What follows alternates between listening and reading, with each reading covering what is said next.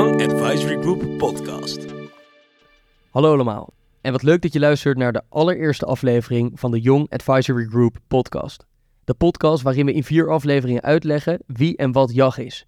Wat we doen, hoe we impact maken binnen JAG en naar buiten, bijvoorbeeld richting een klant of op het gebied van duurzaam of maatschappelijk gebied.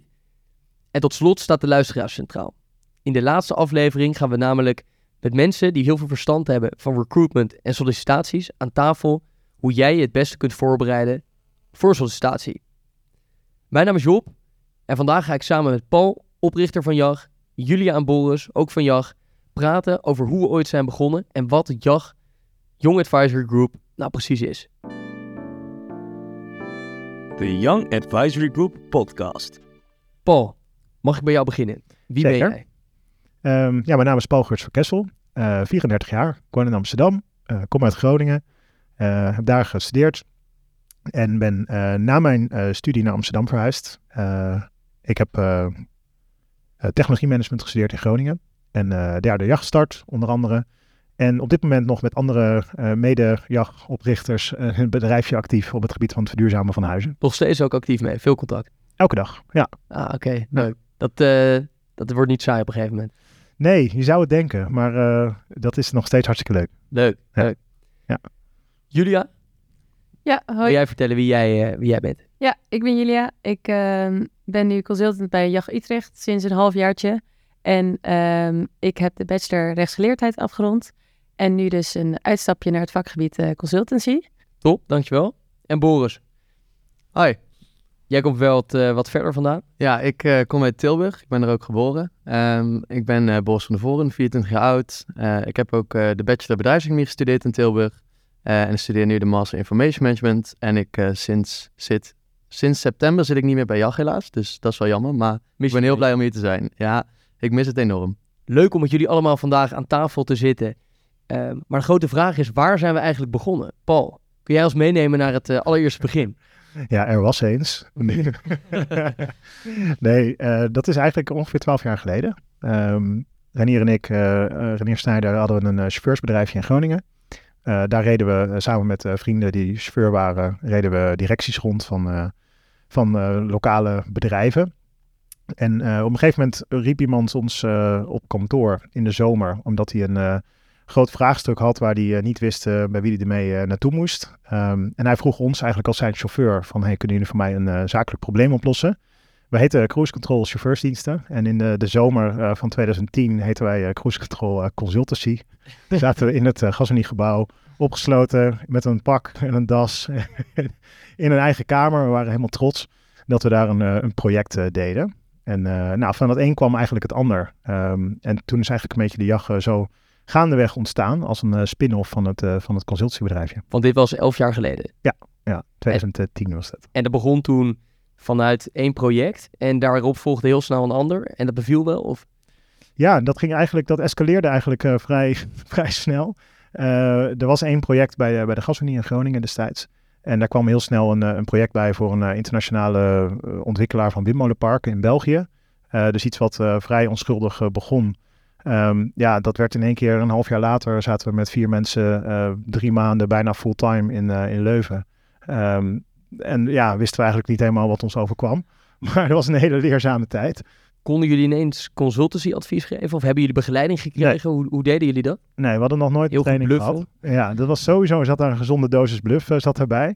Ehm, het is natuurlijk ook een beetje cliché om te zeggen, ja, met een frisse blik kun je altijd wel waarde toevoegen. Maar ehm, ja, we hadden eigenlijk gewoon een paar boeken gelezen. Waaronder eh, Mastering the Rockefeller Habit, eh, Scaling Up, dat is van Vern Harnish. En ja, eigenlijk staan daar gewoon zoveel handige eh, vragen in en, en, en zaken in waar eigenlijk elk bedrijf heel erg veel eh, waarde aan kan ontlenen. En simpelweg door dat soort vragen te stellen aan ondernemers, ja, wij vonden het ook bizar, maar konden we zoveel waarde toevoegen. ehm, dat, het toch, ja, dat, dat dat toch goed werkte. En eigenlijk door met een frisse blik en een paar eh, jonge mensen die ook juist durven uit te spreken of rare vragen durven te stellen, wat eigenlijk helemaal geen rare vragen zijn. Ja, zijn, zijn bedrijven als opdrachtgever toch heel blij met je. Dus zo is JAG een beetje, een beetje begonnen. Ja, ik ben heel benieuwd naar de naamsbekendheid toen. Hoe hebben jullie dat een beetje opgezet?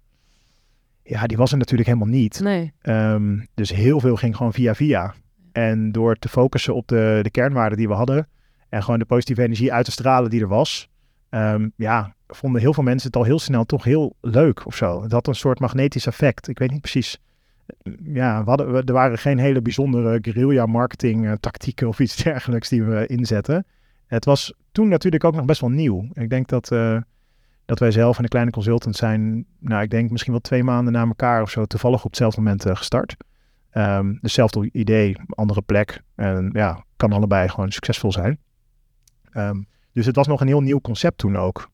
studentenconsultancy überhaupt. En dat was echt iets, oh, nou, oh, wat leuk, wat nieuw. En hoe zit dat dan? En ja, in Rotterdam was er eigenlijk, we zijn ook op, op hetzelfde moment eh, in twee steden tegelijkertijd begonnen. Bij ieder normaal denkend mensen zeggen, we starten een bedrijf. Begin eerst eens op één plek. En als het dan goed werkt, dan schaal je op, toch? Maar op een of andere manier eh, dachten we van, nou, we beginnen gewoon in twee plekken tegelijkertijd. En dat was omdat eh, Joppe Oud en uh, Erwin Renoy in Rotterdam samen studeerden. En, die, die ken- ken je die kennen we al. Ja, die kennen we al. En zeiden van, nou, oh, wat leuk idee joh. Nou, laten we dat ook gewoon gaan doen. Ja, ja, als jullie dat gewoon in Rotterdam gaan doen, dan doen wij dat hier in Groningen. Ja, prima. Als je dan zo'n studentenconsultancy opzet, dan heb je natuurlijk ook nog niet heel veel ervaring. Hebben jullie externe partijen erbij betrokken, trainingspartners in de korte termijn, om er ook voor te zorgen dat je richting bedrijven een stukje professionaliteit kon laten zien?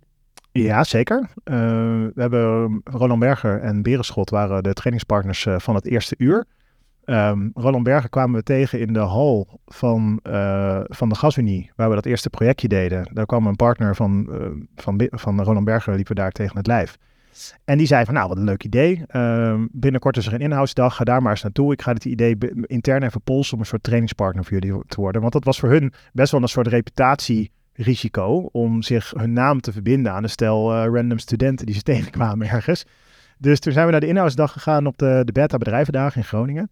En daar eh, waar was Roland Berger ook aanwezig. En daar moesten wij toen wel nog een case eh, doen. Dus er werd speciaal nog gelet op, eh op Renier en mij daar destijds. Om, want wij waren van dat studentenclubje die iets met Roland Berger zelf wilde doen. Ehm, nou, dat ging blijkbaar goed genoeg om het een soort idee van... oké, de lui kunnen, zijn we niet compleet debiel. Eh, dus toen waren we een soort van pass de test. En nou, dan gaat het op een gegeven moment sneller lopen. Want als dan één eh, schaap over de dam is, dan volgen er meer. En Berenschot, eh idem dito, vanaf het allereerste uur zijn die altijd heel loyale partner geweest. Ja, En leuk om te weten dat deze partners nog steeds bij JAG betrokken zijn. ik eh, zag het. Ja, en nog steeds, jaarlijks krijgen we een training daarvan. Ja. Ja. Maar daarover misschien later meer. Ehm, ik ben wel benieuwd ook vanuit jullie, wat is het eerste wat in je opkomt als ik zeg Young Advisory Group? Om ook andere mensen een beetje het idee te geven, wat, wat, wat denken jullie als je, als je bij JAG binnenloopt? Of bij JAG gaat werken? Of met JAG een project doet? Ehm, ja, als je het in een eh, kort stukje tekst zou moeten omschrijven, ik denk dat het heel fijn is dat je zoveel vrijheid hebt om eigenlijk je eigen ding te doen. eh, op het gebied van consultancy, maar ook op het gebied van ontwikkeling en ondernemen. Het fijne aan JAG wat ik vond, is dat je eigenlijk geen bestuur boven je hebt of groot bedrijf boven je hebt die bepaalt hoe je een beetje je werk moet doen. Je bent met een groot, eh, groep studenten die eigenlijk het allemaal superleuk vinden om dingen aan te pakken en daardoor ja, bluff je jezelf ook een beetje doorheen, zoals Paul in het begin een beetje zei. Maar je begint er op een gegeven moment ook wel echt een nekje voor te krijgen. En je kan het op een gegeven moment ook wel. En daar leer je dan ook eh, ontzettend veel van. Ja, mooi. Dus het is vrijheid. Ja, het wel vrijheid, ja. Oké. En Julia, jij? Waar denk jij aan? Ja, ik denk aan eh, initiatief nemen. Ik denk heel erg dat JAG echt draait op initiatief. Iedereen die neemt initiatief vanuit zichzelf. Eh, je, je doet taskforces naast je functie, überhaupt je functie erbij, naast alle projecten. Ehm, daar draait JAG eigenlijk allemaal om.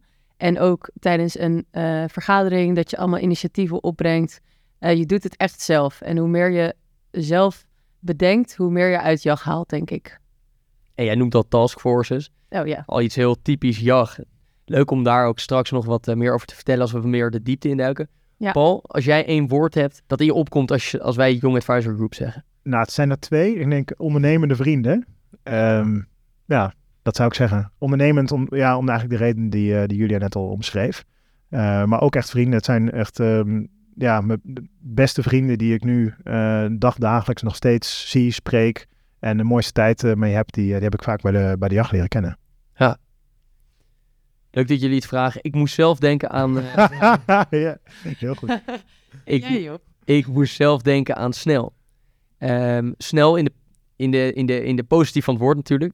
Ehm, ik moest denken aan snel omdat alles bij JAG keer twee versneld is. Ehm, als ik kijk naar andere commissies of andere baantjes die ik heb gehad, dan, en dat vergelijk met JAG, dan zie ik echt een versnelling keer twee als je, als je het werk bij JAG, eh, bij JAG ziet. Maar ik- wat ik heel leuk vind, is dat iedereen heel enthousiast is, veel energie heeft en als ze een project zien, er vol voor gaan. En dat neemt mij ook mee. Daarom word ik ook heel enthousiast van dat soort dingen. Dus daarom moest ik denken aan het woord snel. Zie je ook een nadeel aan de jacht? Ik denk dat met snelheid gaat ook gepaard dat het af en toe te snel gaat. Hmm. Omdat iedereen te graag wil en de lat soms te hoog wordt gelegd. Maar daarom vond ik het wel mooi dat jij zei ondernemende vrienden. En als het net even te veel wordt of iemand heeft tentamens, dat we dan makkelijk kunnen terugschakelen. Of iemand die het wat rustiger heeft, iets overneemt. Dus we, Ja. we letten altijd op elkaar. Dat is wel een verschil, denk ik, met 12 jaar geleden. Was de studiedruk is nu gewoon, ja, dat klinkt een beetje ah, misschien oude lullig, maar de stu- studiedruk is nu wel gewoon hoger dan destijds. Eh, en zeker in Groningen was dat, ja, was de focus op de studie, nou, dat deed je wel, maar andere dingen waren eh, zeker zo belangrijk, waaronder de jacht. Maar dat is nu wel gewoon anders. Dus het is wel fijn om te horen dat er wel over, dat het bespreekbaar is als dingen gewoon te druk zijn, zeg maar. Ja, bij, bij Eindhoven Tilburg vestiging in ieder geval was het ook altijd wel dat je een beetje de sfeer had van oké, studie staat wel gewoon op één. eh, en jacht op twee, om het dan zo te zeggen. Ja. En het vereist zo'n heel veel tijd om bij Young Advisory Group te zitten. Ook omdat je veel verantwoordelijkheden hebt. Alleen, ik denk dat je er eh, je studie ook een beetje soort van moet, eh, uitloop moet verwachten erin. Ehm, maar dat het ook meer dan waard is. Eh, want stel je bent bang van oké, ik heb nu mijn studie niet nominaal gehaald en eh, bedrijven vinden dat erg dan is jacht tenminste wel een goede reden waarom je uitloop hebt gehad. Eén, omdat je zelf natuurlijk ver, ver hebt ontwikkeld, maar aan de andere kant ook omdat je echt een geweldige tijd eruit hebt gehaald. Want de vragen van recruiters over de projecten die ik had gedaan, die vonden ze zoveel, de, zeg maar, de projecten vonden ze zoveel interessanter dan het feit dat ik een jaar langer over mijn studie had gedaan. Dat woog echt absoluut niet tegen elkaar op aan de ervaring die ik daaruit had eh, opgebouwd. Dat ben Ja. ik serieus. Dus ja, ze- dat hele tijdsding, dat is, misschien is dat nu echt helemaal hot en happening hoor. Misschien dat dat zo is, maar, maar de ervaring die je met een extra project eruit haalt, dat is het echt, eh, dat is die, die studievertraging, als die er al is, echt eh, een dubbel en dwars meer dan waard. Je komt zoveel verschillende bedrijven tegen. Niet alleen op het gebied van consultancy, maar ook de bedrijven waar je acquisitie loopt of bedrijven waar je projecten voor doet in allerlei verschillende sectoren. Ja. En dan heb, krijg je ook een heel goed beeld van, ah ja, dit vind ik wel leuk, deze richting vind ik wat minder leuk. Dus ik denk ook dat het een, het is completer dan alleen een, een project doet. Je ziet ook heel veel om je heen waar misschien jouw hart wel sneller van gaat kloppen, waar je vol voor wil gaan later. Dus het beantwoordt ook heel veel vragen die je misschien nu hebt. Ja. Oké, we hebben nu een beetje een impressie bij wat JAG is. Allemaal eh, één woord, of één woord, het was allemaal een alinea, maar goed. Eh, we hebben allemaal een, eh, een, een indruk van JAG nu. Als we wat dieper op JAG ingaan, ehm, kan ik wel uitleggen wat JAG in, een, in een volzin is. Eh JAG is een studentenconsultancy, gevestigd in heel Nederland, dat betaald strategisch advies geeft. En JAG heeft drie belangrijke pijlers. Dat zijn adviseren, leren en ondernemen. Dit is een hele mond vol. Eh, dus laten we dit eh, vooral even stap bij stap doorgaan. Waar, zijn, waar zitten we eigenlijk allemaal? We zitten in heel Nederland. We zitten in Amsterdam, Eindhoven-Tilburg, Rotterdam-Delft, Groningen en sinds kort, vanaf september, ook in Utrecht. Boris, jij bent, eh, jij bent hier ooit mee begonnen, een half jaar of een jaar geleden, met dit idee om een Eh. nieuwe vestiging op te zetten. Kun jij, daar, kun je ons meenemen? ja, ik, ik ga alleen niet het idee claimen voordat ik het idee heb verzonnen. Eh, dan moet ik de shout-out doen naar de taskforce die daarmee is begonnen. Die had namelijk het idee van, joh, eh, we willen met jacht uitbreiden. Ehm, grote kanttekening was dan wel, ehm, kunnen we uitbreiden en gaat dat dan ook niet ten koste van onze cultuur, et cetera. Nou, er zijn heel veel gesprekken over geweest, ook met Paul, met de Raad van Advies van JAG, eh, ook nog met eh, andere consultancypartijen, eh, waaronder ook DKC. Want we hadden ook het idee dat we namelijk naar het buitenland uit willen breiden. Eh, dat was dan de tweede stap toen we hadden besloten dat we willen uitbreiden. Maar toen hebben we uiteindelijk voor eh, ja, Utrecht gekozen. En mocht ik gelukkig met een eh, groepje van eh, zes man dit eh, idee waarmaken. Ja, dat hoe- was super gaaf. En, en waarom is het Utrecht geworden? Ehm, nou, ene combinatie van eh, de studies die daar zijn. Die sloten het beste aan op eh, ja, strategische consultancy. Ehm, daarnaast ook, het is een grote studentenstad, ligt heel centraal gelegen. We dachten, er zijn ook veel eh, potentiële klanten in de buurt. Dus een beetje een combinatie van Ja. dat soort factoren heeft ervoor gezorgd dat we Utrecht kozen. En uiteindelijk hebben we op de LV eh, met alle, alle mogelijke opties hebben voorgelegd, of in ieder geval heeft de taskforce voorgelegd aan heel JAG. En toen hebben we met JAG gestemd voor Utrecht. Kun je uitleggen wat een LV eigenlijk is? Ja, ik eh, merk inderdaad dat ik even de jag, uh, jachtjargon eh, doorheen fiets. Eh, LV is een landelijke vergadering. En bij landelijke vergadering daar komen eigenlijk alle vestigingen van JAG samen in één stad. En daarin bespreken we de ja, lange termijn strategie voor JAG. En beslissen we dus dingen zoals uitbreiden naar Utrecht. Ehm, en daarvoor hebben we altijd een pre-LV, een pre-landelijke vergadering. Waarbij we in de stad, waar we de landelijke vergadering houden, ook met z'n allen een eh, drankje doen. Eh, en dat eh, is altijd een hele leuke ervaring. En ik denk Ja. dat je daar niet te veel woorden aan vuil moet maken. Dat is wel leuk inderdaad om te benoemen. Naast dat we allemaal vestigingen hebben, hebben we dus ook op landelijk niveau heel veel, heel veel Ja, contact met elkaar. Zeker. In ieder geval nou, vier keer in het jaar met zo'n LV. Ja, en ook via taskforces. Ehm, we zitten nu ook hier met een eh jachtpodcast bijvoorbeeld. Dus stel je hebt een leuk idee, zoals jij nu hebt gedaan.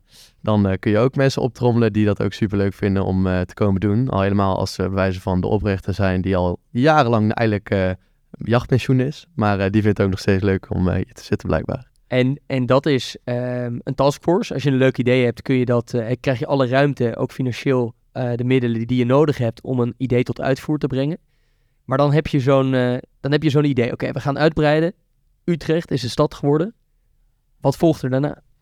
Ja, ik had zelf eh, vooral een idee van, oké, we moeten kijken naar kantoor. Maar dat is eigenlijk echt het laatste waar je aan moet denken, het fysieke kantoor. Dat heeft eh, Julia met eh, de Utrecht Gang helemaal zelf uitgevogeld ook.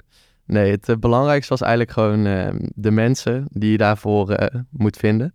En daarnaast natuurlijk ook je naamsbekendheid creëren bij Utrecht. Want ja, JAG is nog niet bekend in de stad Utrecht toen wij eraan begonnen. Dus we hadden ook de taken verdeeld van, oké joh, hoe gaan wij nou, eh Young Advisor Group, eh, hoe gaan we nu Utrecht veroveren? Nou ja, we waren met z'n zessen eh, in de functie uitbreiding verantwoordelijk daarvoor. Alleen we hebben wel de hulp van alle jaggers ingeschakeld. Van joh, ken je mensen in Utrecht? Benader ze dan. Ehm, we willen dit met z'n allen doen, dus we gaan ook met z'n allen ervoor. Ehm, nou, zodoende hebben ook alle jaggers recruitment gedaan voor Utrecht. Ehm, en wij dus ook natuurlijk. We hebben een kennismakersavond gehouden eh, in de rechtbank volgens mij. Dat is een zeer mooie locatie. Dus eh, ook een aanbeveling aan de volgende Jag Utrecht. En eh, ja, die was ook best goed bevallen. We waren ook met eh, jaggers van alle windstreken. Dus dat was ook echt leuk om te zien van joh, ook al eh, zitten we nog niet in Utrecht. We zijn een landelijke organisatie, dus ik ben er ook niet bang voor. Ehm, en ja, buiten de promotie eh, ja, was vooral de recruitment eh, in het begin. En iemand die bij die nieuwe lichting hoort, dat is Julia. Ja. Hoe vind jij het nu als, als eerste lichting? Ehm, hoe is het om eh, de vestiging nu in Utrecht te beginnen en op te starten? Nou, op het begin was het natuurlijk best wel even zoeken met z'n zessen. Ehm, eigenlijk zitten er bij normale vestigingen, dus eh, nu bij de andere vier vestigingen, zijn er vaak 14 consultants eh, werkzaam. Bij ons begonnen we natuurlijk met zes. Dat is best klein. Eerst praktische zaken moesten geregeld worden. Een kantoor, inrichting van kantoor. En daarna konden we echt beginnen met de acquisitie, naamsbekendheid creëren. Niet alleen onder bedrijven, maar ook natuurlijk onder studenten. Want we hadden eigenlijk alweer beide een nieuwe lichting nodig.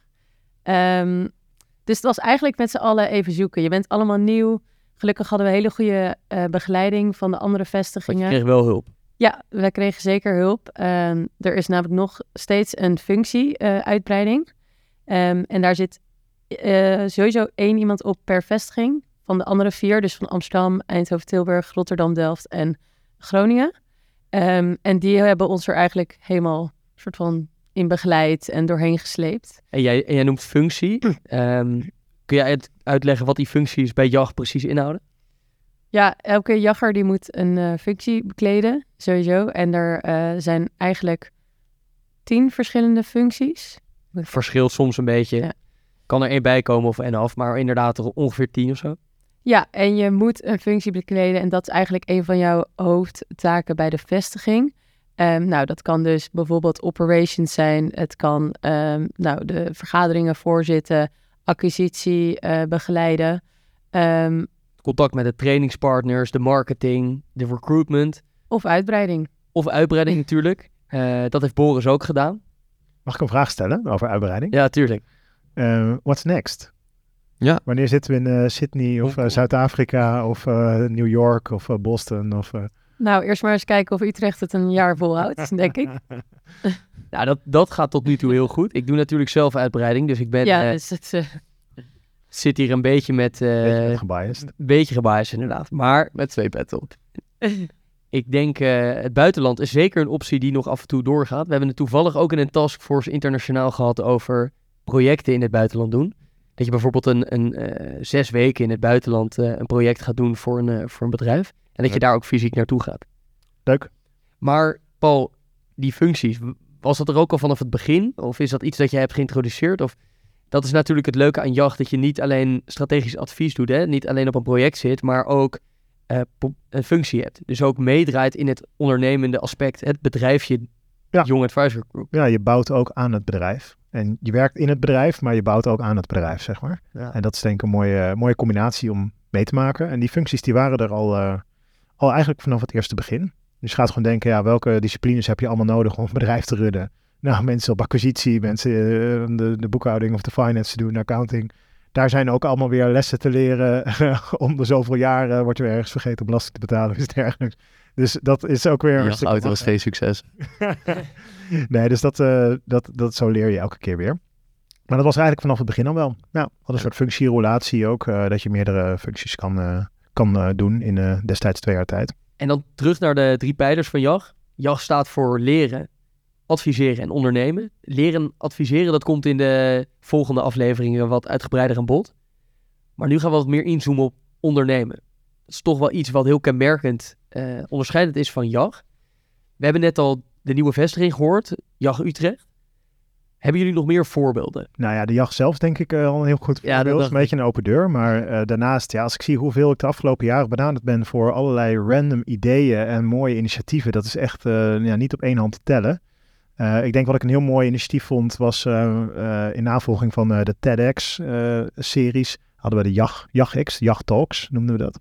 En dat was eigenlijk een soort ja, simulatie van een, een TED-praatje. Ze hadden vier mensen gevraagd om een, een, praatje zoals een TED-talk voor te bereiden. Dus er werd ook echt goed aan geschreven, zeg maar. Dat was niet gewoon een random wat slides, maar was echt een mooi verhaal.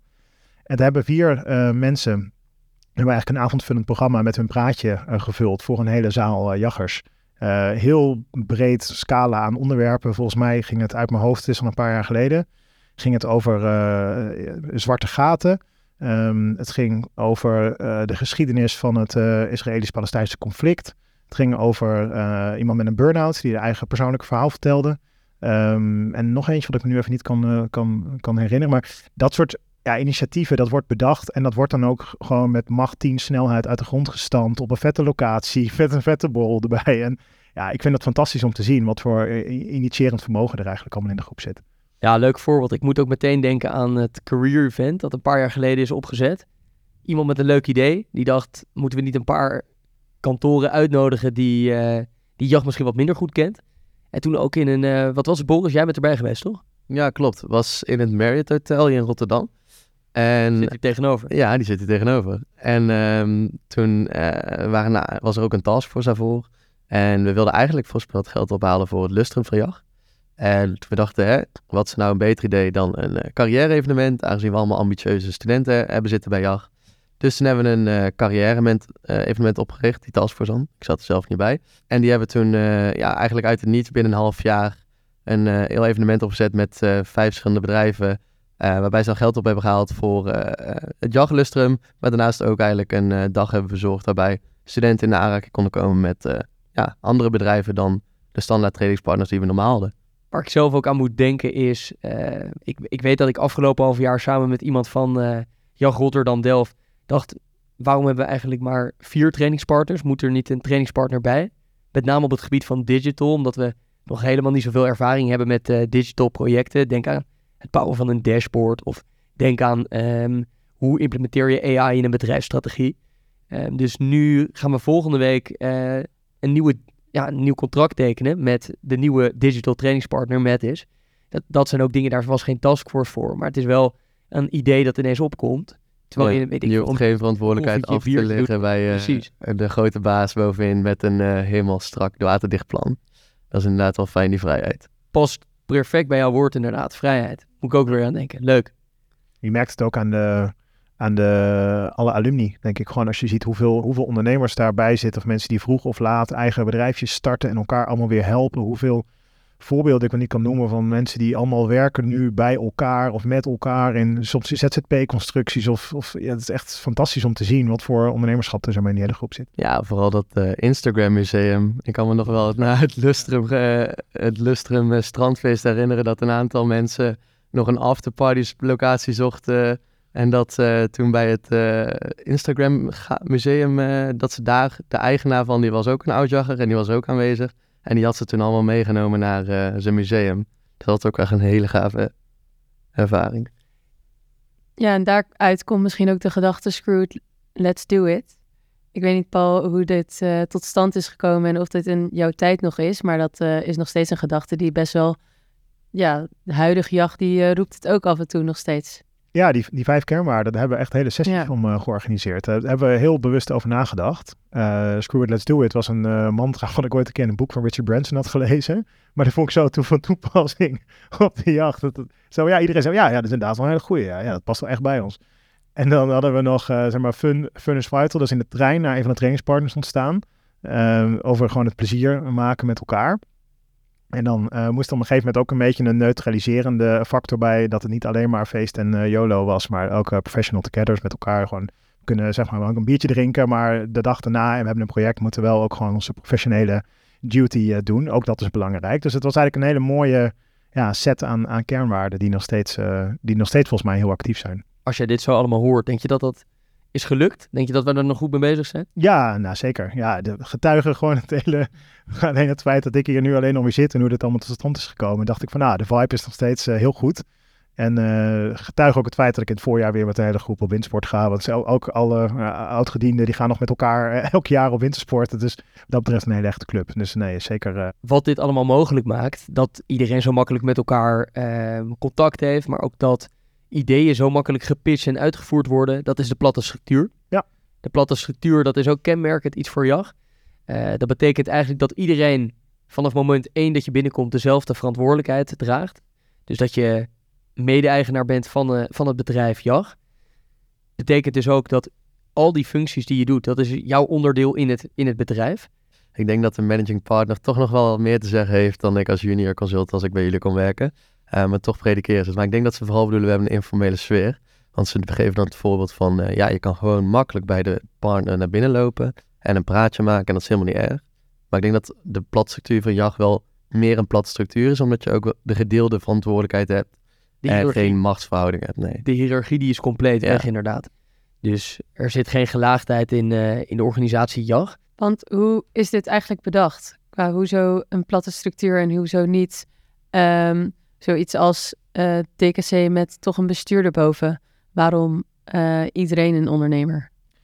Nou, omdat het een kernwaarde was. Dus we dachten van uh, everybody an entrepreneur. We willen eigenlijk dat iedereen dezelfde mate van betrokkenheid heeft. En dat er geen onderlinge hiërarchie is die gaat vertellen wat je moet doen. Want let's face it, je bent gewoon allemaal student.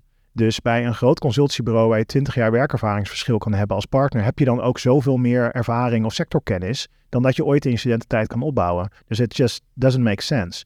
Dus je kunt beter gewoon met elkaar het bedrijf runnen, wat veel hogere betrokkenheid geeft, wat veel meer um, invloed geeft op de besluitvorming, dan dat je daar allemaal lagen tussen gaat zetten, uh, die toch een, nou, automatisch ook een soort van bureaucratie met zich mee kunnen nemen. En bij zo'n platte structuur is misschien ook kenmerkend dat alles wat je doet binnen consultancy project, van acquisitie, hè, een, een, belletje doen, iemand uh, opbellen van een bedrijf en, en, en, een pitch geven over jacht en waarom jacht de perfecte partners om mee in zee te gaan. Tot aan het uitvoeren van het project, tot aan het evalueren van het project. Dat doe je allemaal voor het eerst uh, bij JAG zelf. Boris, jij, jij bent nu net uitgestroomd. Hoe kijk jij daarop terug?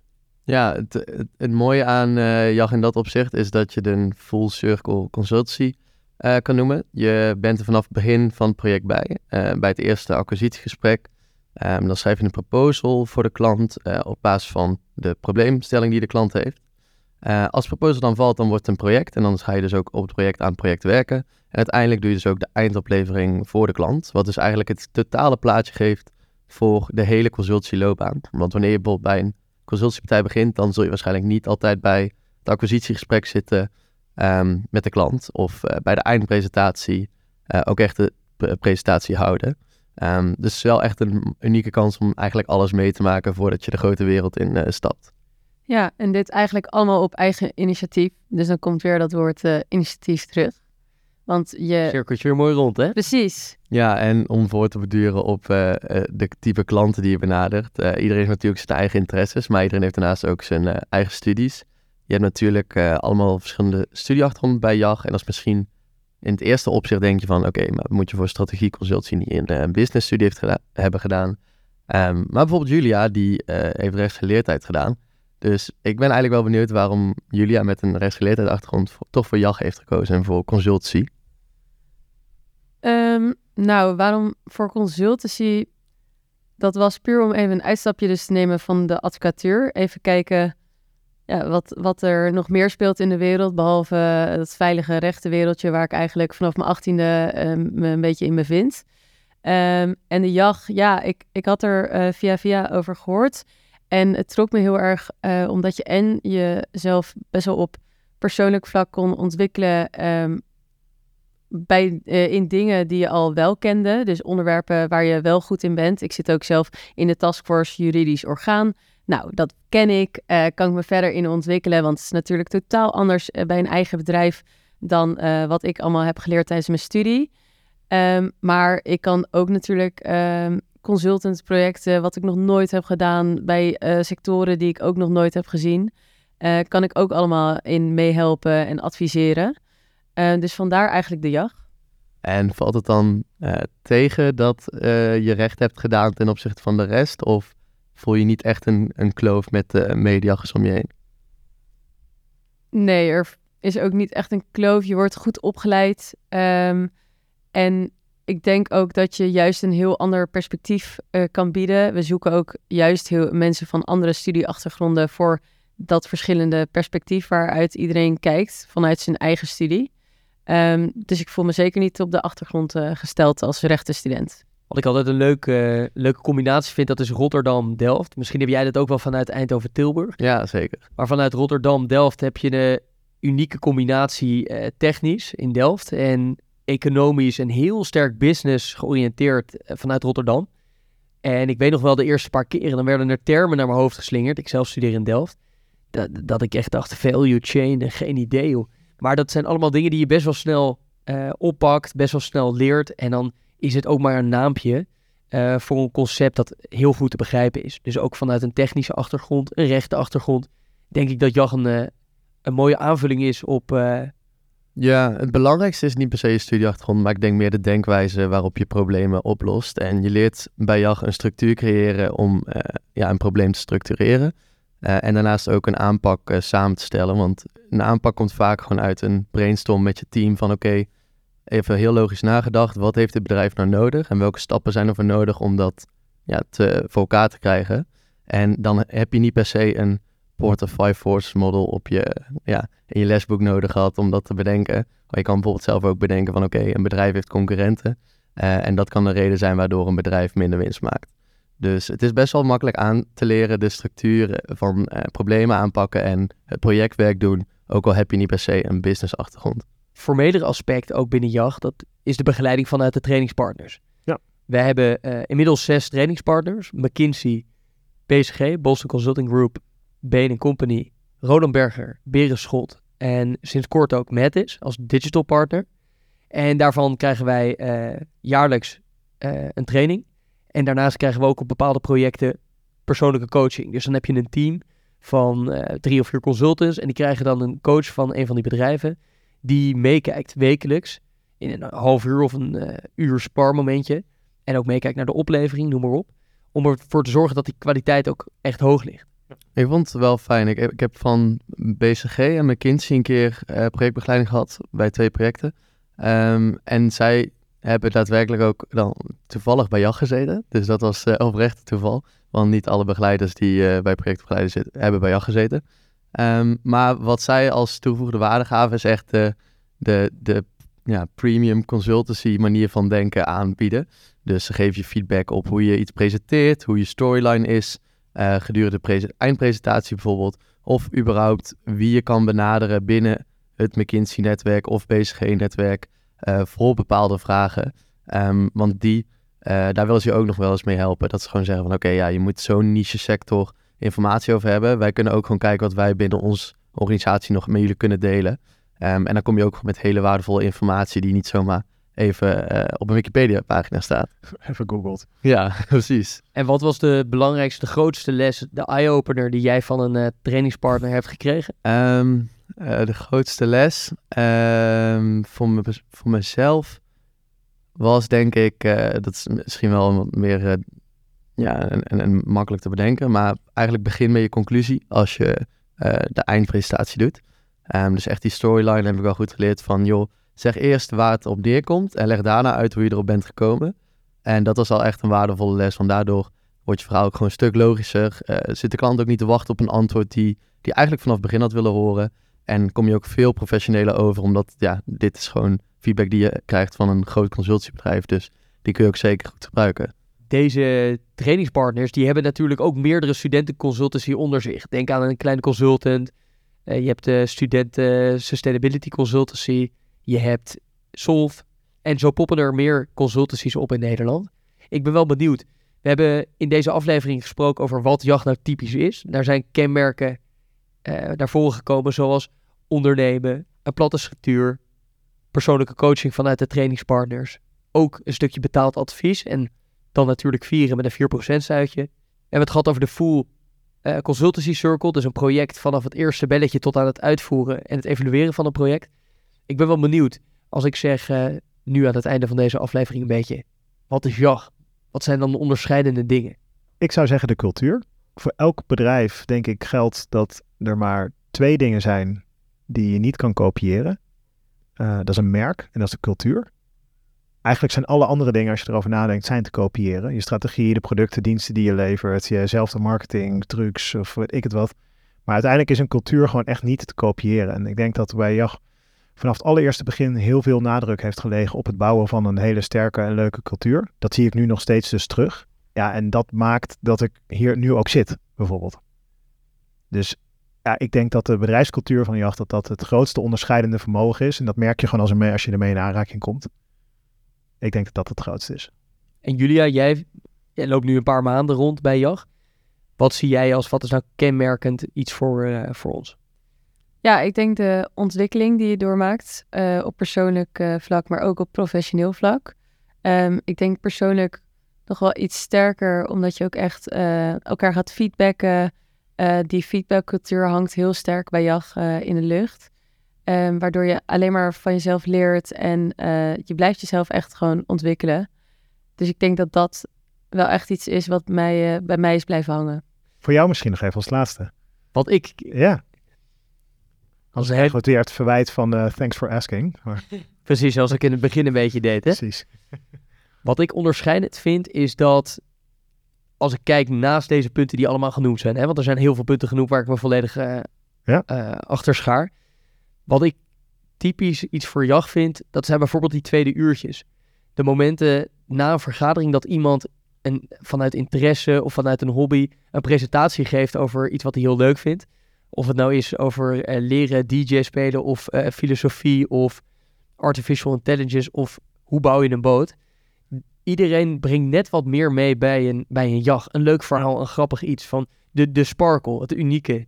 En dat, um, Zorg ervoor dat het nooit saai is hier. Iedereen heeft ideeën, iedereen loopt continu te brainstormen. En dat gaat van kleine ideeën tot grote ideeën. En dat maakt het tot een, tot een, tot een bruisende, bruisende groep. Dat vind ik, uh, vind ik uniek, ja. The Young Advisory Group Podcast. Dit was dan alweer de eerste aflevering van de Jacht Podcast. Vond je het leuk en wil je meer weten? Stuur me dan even een berichtje. Uh, dat gaat het makkelijkst via de website youngadvisorygroup.nl. En daar staan ook uh, de andere op. Wil je nou meer weten over wat we precies doen? Op het gebied van consultancy, wat voor project we doen, of hoe je het beste acquisitiegesprek doet? Duik dan met ons tijdens de tweede aflevering de inhoud in. Bedankt allemaal. Bedankt voor de gasten hier aan tafel, dat jullie er ook bij waren. En dan zie ik jullie de volgende keer.